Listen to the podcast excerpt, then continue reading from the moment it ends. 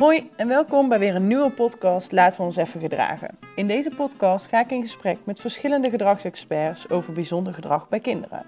Mijn naam is Steffi van der Meijden en ik hoop je te inspireren om te kijken wat er onder het gedrag zit van een kind of leerling.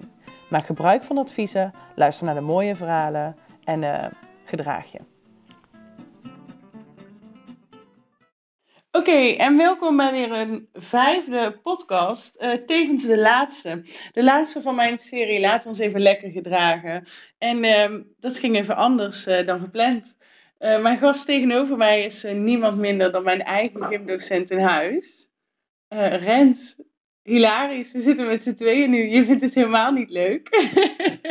en ik heb ook meerdere dingen mogen doen om jou over te halen. Um, maar wel leuk om met jou in gesprek te gaan. Uh, een gesprek wat we normaal gesproken gewoon sowieso voeren. Um, lekker over gedrag. Voordat ik uh, verder ga introduceren, stel jezelf eens voor. Dat is mijn eerste vraag. Mijn naam is Rens Hoks en ik ben werkzaam als gymdocent in het VO. Mm -hmm. uh, toevallig het VO College de Heemlanden in Houten.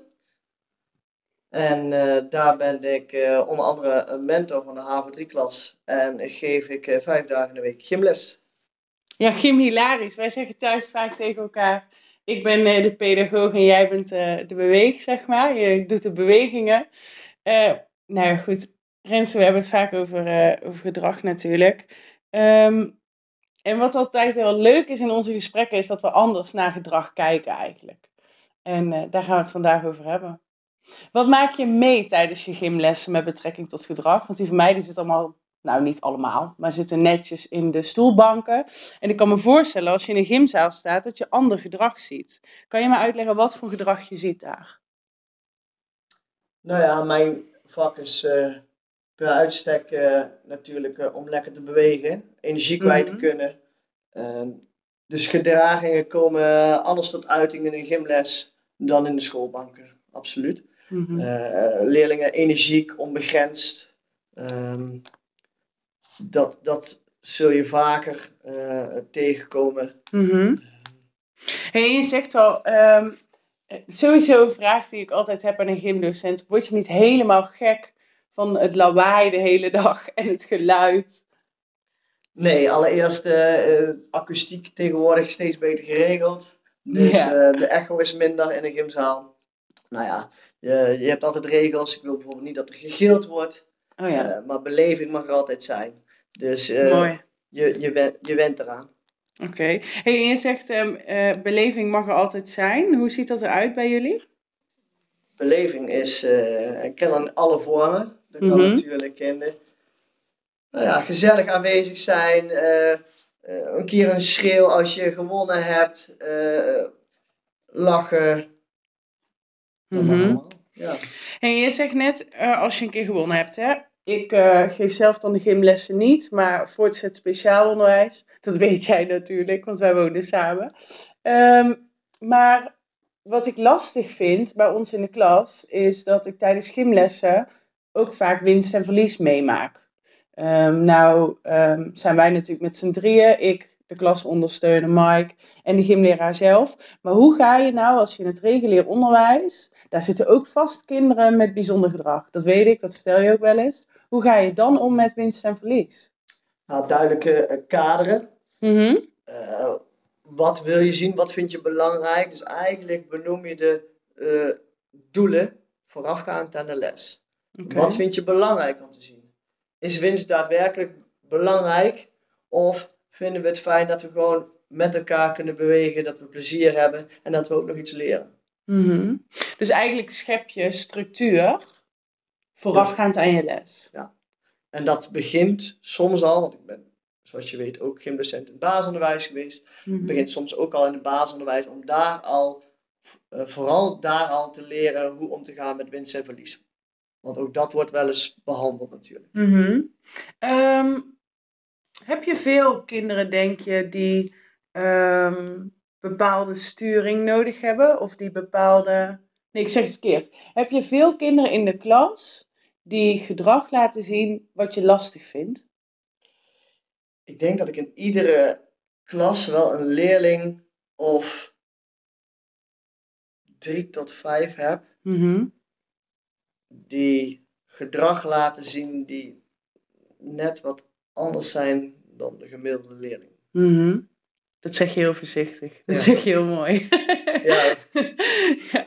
Ehm, wat is dat afwijkende gedrag? Als nou leerling X, die tussen die 3 en die 5 zitten, even haaks. Het is heel gek, want dat doen we natuurlijk eigenlijk niet. Het is ook niet helemaal oké. Het tegenover die andere leerling uh, zetten. Wat zie je dan voor ander gedrag?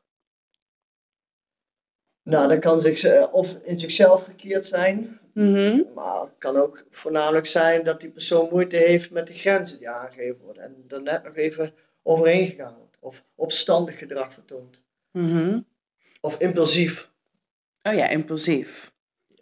Ja, en dat is natuurlijk in jouw ruimtekilling. Impulsief gedrag waarin iemand even een bal leuk uh, in de weg schiet. Ja, die moet je, die leerling moet je wel echt goed kaderen. maar dat is ook weer aan de docent wat je voorafgaand aan de les. Wat mogen we verwachten? Wat willen we niet vanwege de veiligheid? Mm ja. Weet je wat ik grappig vind? Ik ben uh, natuurlijk PBS-coach. Eh, en dat vind je af en toe ook lastig. maar je zegt zo vaak gedragsverwachting. En kaderen en het uitspreken van je gedragsverwachting is het eerste puzzelstukje, het eerste onderdeel waarbij PBS ervan uitgaat uh, dat kinderen zo het gewenst gedrag gaan laten zien. Um, we zeggen eigenlijk als je PBS-coach bent, dan zorg je ervoor dat je eerst uitspreekt wat je verwacht. Want als een kind weet wat hij of zij verwacht, kan hij daar ook makkelijker naar werken. Dat is hetzelfde als dat jij binnenkomt en je zegt: Oké, niet schieten met de bal bijvoorbeeld. Is veel breder. Ja, wat mag ik dan wel doen? Mag ik rollen met de bal? Mag ik stuiteren met de bal? Maar als ik je goed begrijp, kader je dat best wel. Ja, maar toch betrap mezelf ook op wat ik net al zei: van wat ik niet wil. Nou, je bespreekt natuurlijk wat je die, die les gaat behandelen. Mhm. Maar tevens ben ik er als de kip bij om eerst te zeggen wat we ook niet willen. Oh ja. Uh, schieten met een volleybal dwars door de zaal heen. Uh, want ik kan andere kinderen raken. Of na het fluitsignaal toch nog heel even een basketbal ergens uh, op een basket, basket mikken.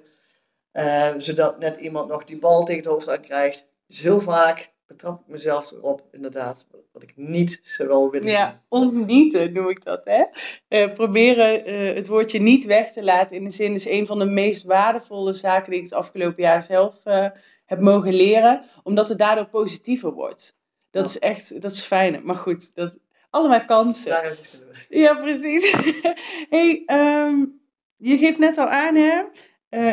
Nee, ik ga het anders zeggen. Ik denk dat jij ook wel een klein beetje door mij gevoed wordt met dat PBS en dat positieve, uh, nou ja, wat je zelf wel eens zegt, zweverige gedoe. Het is natuurlijk ook heerlijk dat je een pedagoog naast iemand zet die op beweging zit. Hè? Het stukje proces en het stukje product, dat, dat is bij ons altijd heel duidelijk.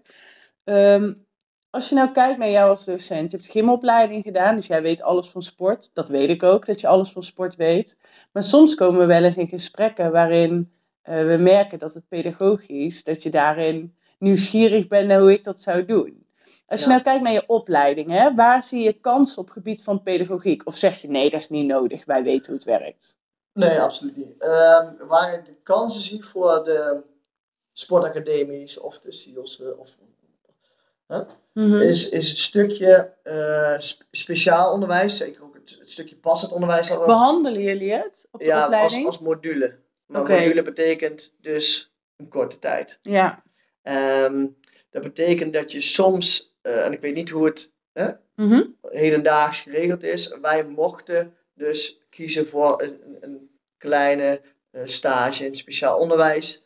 Uh, ja, daar kozen er maar een paar voor. Ik weet niet of het tegenwoordig verplicht is. Mm-hmm. Ik zou dat zeker wel aanraden, maar ik zou er een, een grotere module van maken. Misschien wel een, een vast uh, onderdeel gewoon van de vierjarige opleiding.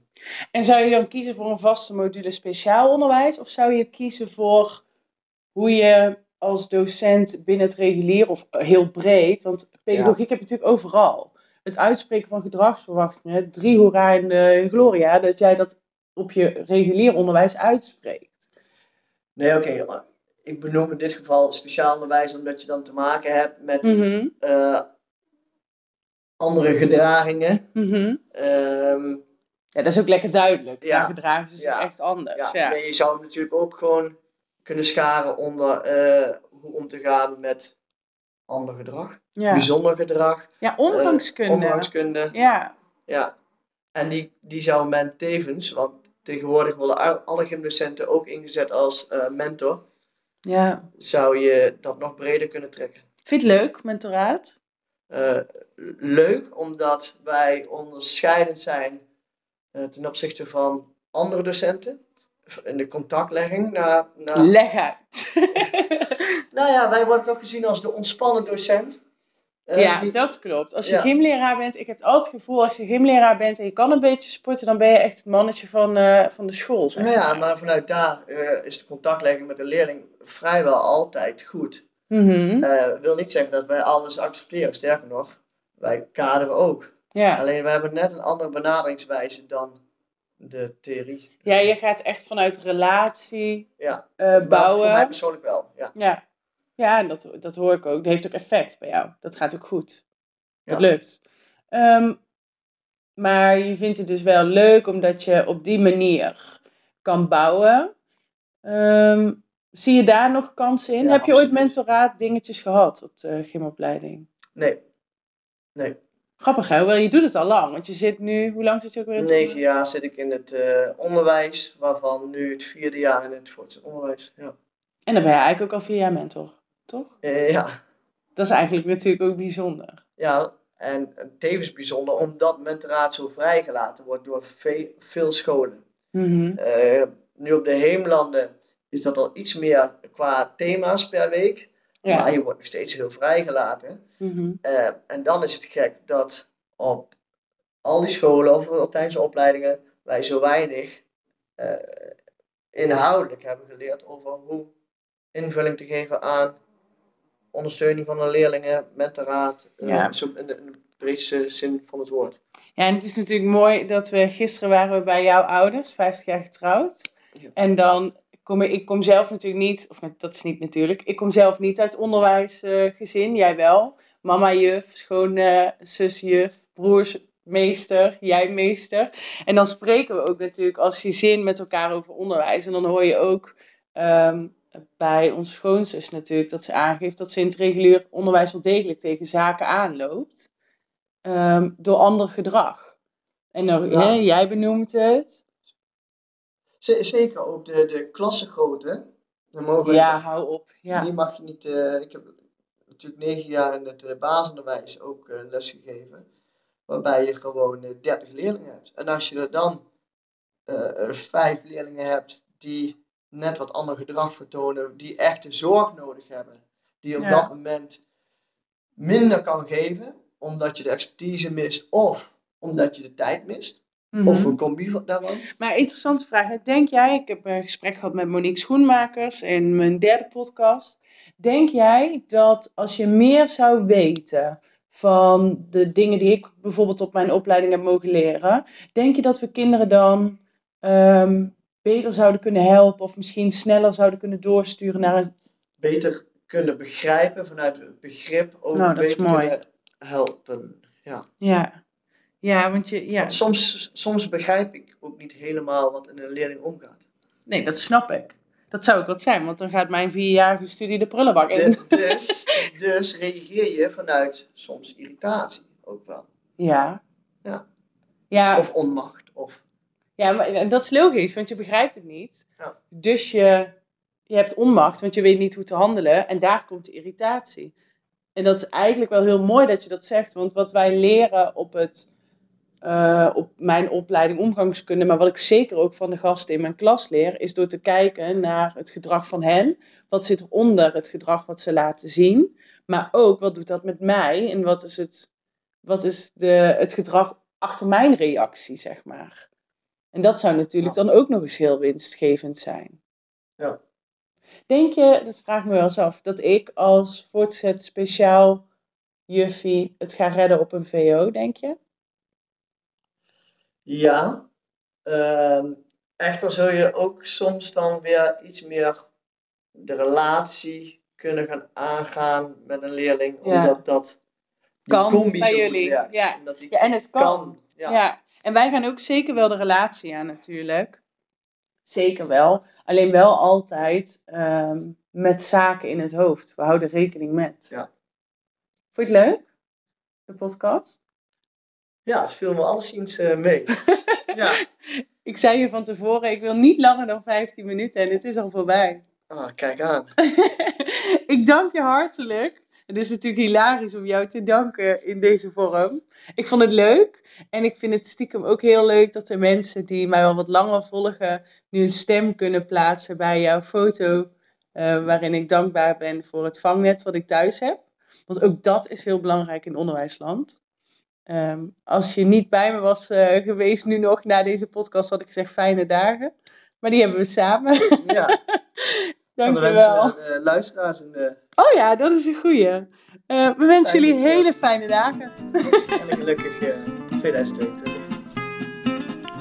Ik hoop dat je geïnspireerd bent en ik ben benieuwd naar je reactie. Mocht je nog vragen hebben, mail mij dan op info@onder-wijs.nl of stuur een bericht naar een van onze socials. Ik hoop je snel te spreken. Liefs, Steffi.